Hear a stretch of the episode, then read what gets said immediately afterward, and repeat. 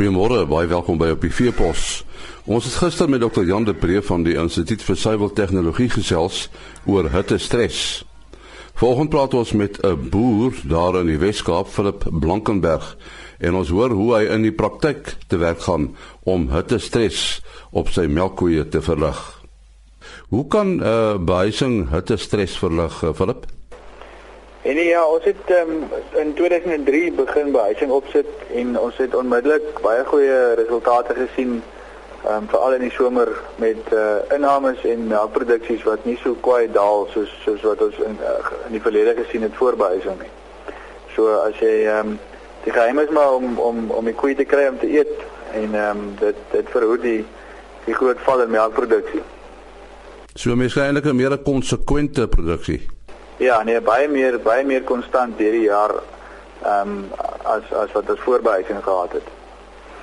Hierdie behuising, is dit geslote behuising of is daar uh, daarom redelik voorsiening vir uh, vir ventilasie? Nee, nee, die die die lugvloei deur die huise is is is baie belangrik. Ehm um, so basies, dit is net 'n dak, die die huise is oop langs die kante. Ehm um, en veral hier by ons in die Kaap waar ons waar ons baie wind in die somer kry, ehm um, help daai lugvloei ook met die met die afkoelproses binne in die huise. Seker belangrik hoe mense dit posisioneer, nê, nee, uh, so in die windrigting of maak dit nie saak nie. Ja, nee, dit die ek dink wat meer belangrik is is is is is jou jou jou rigting teenoor die son. Ehm um, jy moet om ons ons huise is almal ehm um, noord-suid sodat jy minimum son in die huis inkry. En hoeveel beeste kan 'n mens in so 'n huis kry byvoorbeeld? Dit hang af hoe groot die huis is. Um, ons ons huise wissel tussen 250 en 280 koeie per huis. Maar jy kan hom natuurlik groter of kleiner ook maak. Ja, as jy mens net afhanklik van die wind wat uh, deurvloei vir ventilasie ja, of wat van waaiers.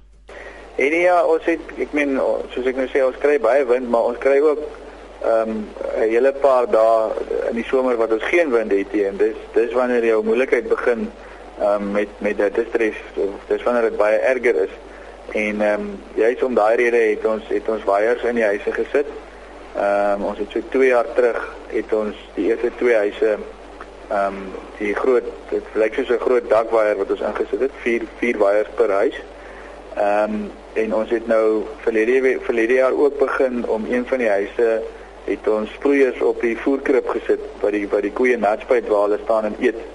Ehm um, en ons het baie goeie resultate daarmee ook gekry en ons het nou vir jaar voor die somer het ons het ons het ons nog 'n klomp van die huise ehm um, ook die sproeiers opgesit. En ek is redelik positief daaroor want ek dink die die waiers saam met die met die sproeiers, die kombinasie van die van die koei wat die natspuit en dan die wind oor hom waai, ehm um, ek dink dit gaan nou baie lekker afkoel. En en, en die waiers, hulle skop outomaties in op 'n sekere temperatuur. Ja, die die waiers kom aan op ehm um, 24 grade. Ehm um, die waiers het ook 'n 'n windmeter as die wind te sterk waai dan dan skakel die waiers af. Ehm um, by die by die wind kan die waiers beskadig. Ehm um, so die die en dan die sproeiers kom ook op 'n temperatuur aan. Ehm um, hulle kom aan op op 4 ook op 24 grade en wat dis 'n rekenaartjie wat die sproeiers beheer So wat hy sal doen is ehm um, op 24 grade sal hy byvoorbeeld vir vir 3 minute aankom en vir 9 minute afwees en hoe warmer dit word, hoe korter word daai afperiode. So as dit warmer word dan dan gaan hy meer gereeld vir 3 minute water spuit. Julle maak dus gebruik van rekenaar tegnologie in 'n in 'n hoë mate. Ja, ja nee, dit is maar oral in die boerdery is is rekenaar tegnologie uh, aan die orde van die dag. Het julle rugsteenstelsels want wat gebeur as Eskom nou nie saamspeel nie? Ja, ons het uh, by die melkstal het ons het ons kragopwekkers. Ehm um, so dit dit is as as die krag afgaan, ehm um, skop die kragopwekker outomaties in en dit sal altyd krag wees. En julle is op 'n TMR stelsel? Ja, vol volledig TMR. En hierdie afkoeling die hou nou nie op uh, want as die koeie deurbeweeg na die melkportaal dan dan sal ook sproeiers nie. Ja, waar hulle inkom in die melkportaal is daar ook weiers en sproeiers. Ehm um, so ons ons ons spuit hulle in die melkstal ook nat. Ehm um, en ons waai hulle droog en so dit die proses is maar is maar uh, dit is uh, gedurig aan die gang. Hierdie hierdie sogenaamde afkoelingsbehuisings, die die vloeroppervlak is seker belangrik, né? Nee? Ja, en die die die, die vloeroppervlak is is in elk geval belangrik of jy nou of jy nou afkoeling het of nie. Ehm um, in die behuising is is vloere baie belangrik. Ehm um, die koei moet gemaklik wees. Hy moet hy moet kan loop op die sement sonder om op sy senuwees te wees, wil ek amper sê. Hy hy moenie voel hy gaan gly nie. Hy moet hy baie trap moet hy kan vastrap en hy moet verseker wees van homself. Anders dan ehm um, kan dit ook 'n stresfaktor wees wat wat jou melkproduksie gaan affekteer. En uh gebruik julle ook uh, 'n uh, soort van epoxy ook op die vloer waar waar die voer lê? Nee, ons vloer is nie ge-epox nie, maar dit is net die die sement daar is is is baie glad gemaak wanneer dit gegooi is. 'n Ander ding wat belangrik is uh, in sulke behuising is natuurlik toegang, né, vir apparate om die die voer te gooi en om ontslae te raak van van die mis. Ja, nee, dit, dit moet alles ja, deel van jou beplanning wees en dit moet maar voor die tyd als reg uitgesit word. Ehm um, en en ook uh, daar moet daar moet toegelaat word vir latere uitbreidings ook. Uh, en waarmee boer julle? Ons boer by die stadium um, ons melk uh, Holsteins en ons boer ook met koring en vleisbeeste en skape. En wat is julle stal gemiddeld daar? En die, in in die in die winter gaan ons gaan ons so op na na 40 liter per koei per dag. En ehm um, hier dit hou so aan tot tot Oktober en dan met die hittestres wat dan begin dan dan daal die produksie 'n bietjie. Ehm um, so na na 36, 38, 37 daaroor.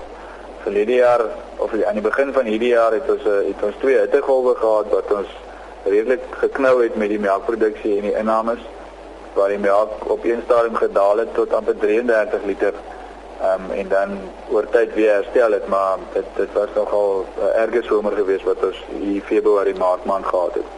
En en die temperature tot waar klim hulle?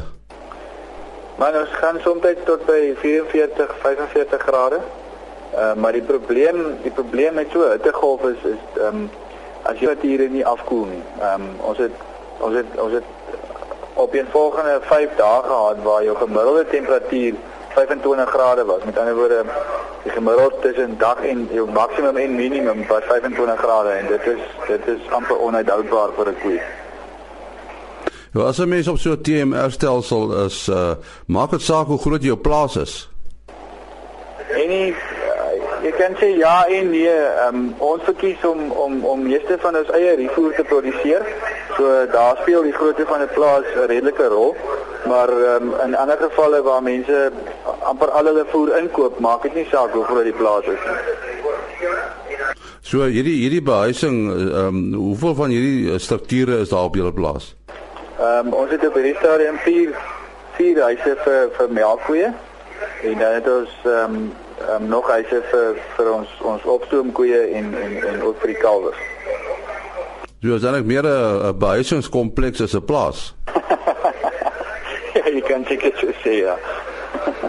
en julle planne vorentoe met die melk, is dit net maar waar julle nou gaan bly of of of wil julle uitbrei? En ja, ons ons is ons melk op hierdie stadium so 900 koeie en ons het ehm um, voldoende behuising ehm um, tot op 1000.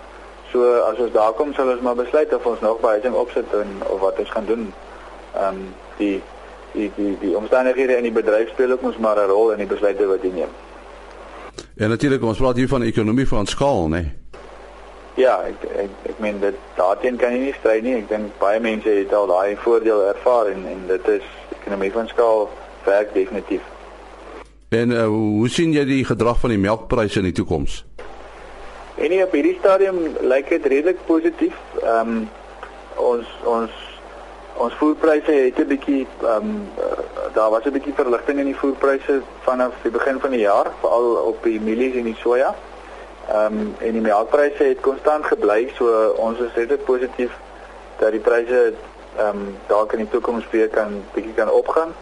Ehm um, dit dit lyk vir my of of of daar nie daar's nie daar's nie surplus melk in die in die in die bedryf nie, so dit dit lyk positief. Uh, sou jy julle opset beskryf as 'n familieboerdery of boer jy alleen? Nee, ons is ons is 'n familieboerdery.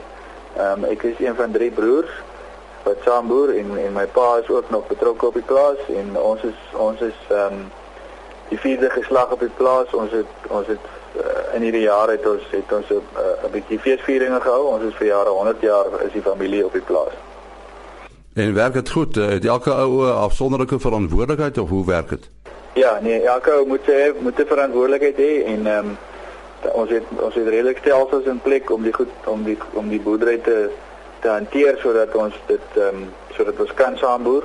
Ek weet dit is vir baie mense 'n groot uitdaging, maar ek dink as as almal weet wat hulle moet doen en wat van hulle verwag word en en dat jy sekere stelsels in plek het, dan kan dit suksesvol bedryf word.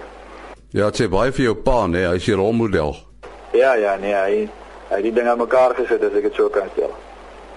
So gesels Philip Blankenberg uh, oor hulle boerdery en veral oor die behuising en die uh, die stryd teen hittestres. Môreoggend om 4 voor 5 is ons terug. Tot dan, mooi loop. Ah.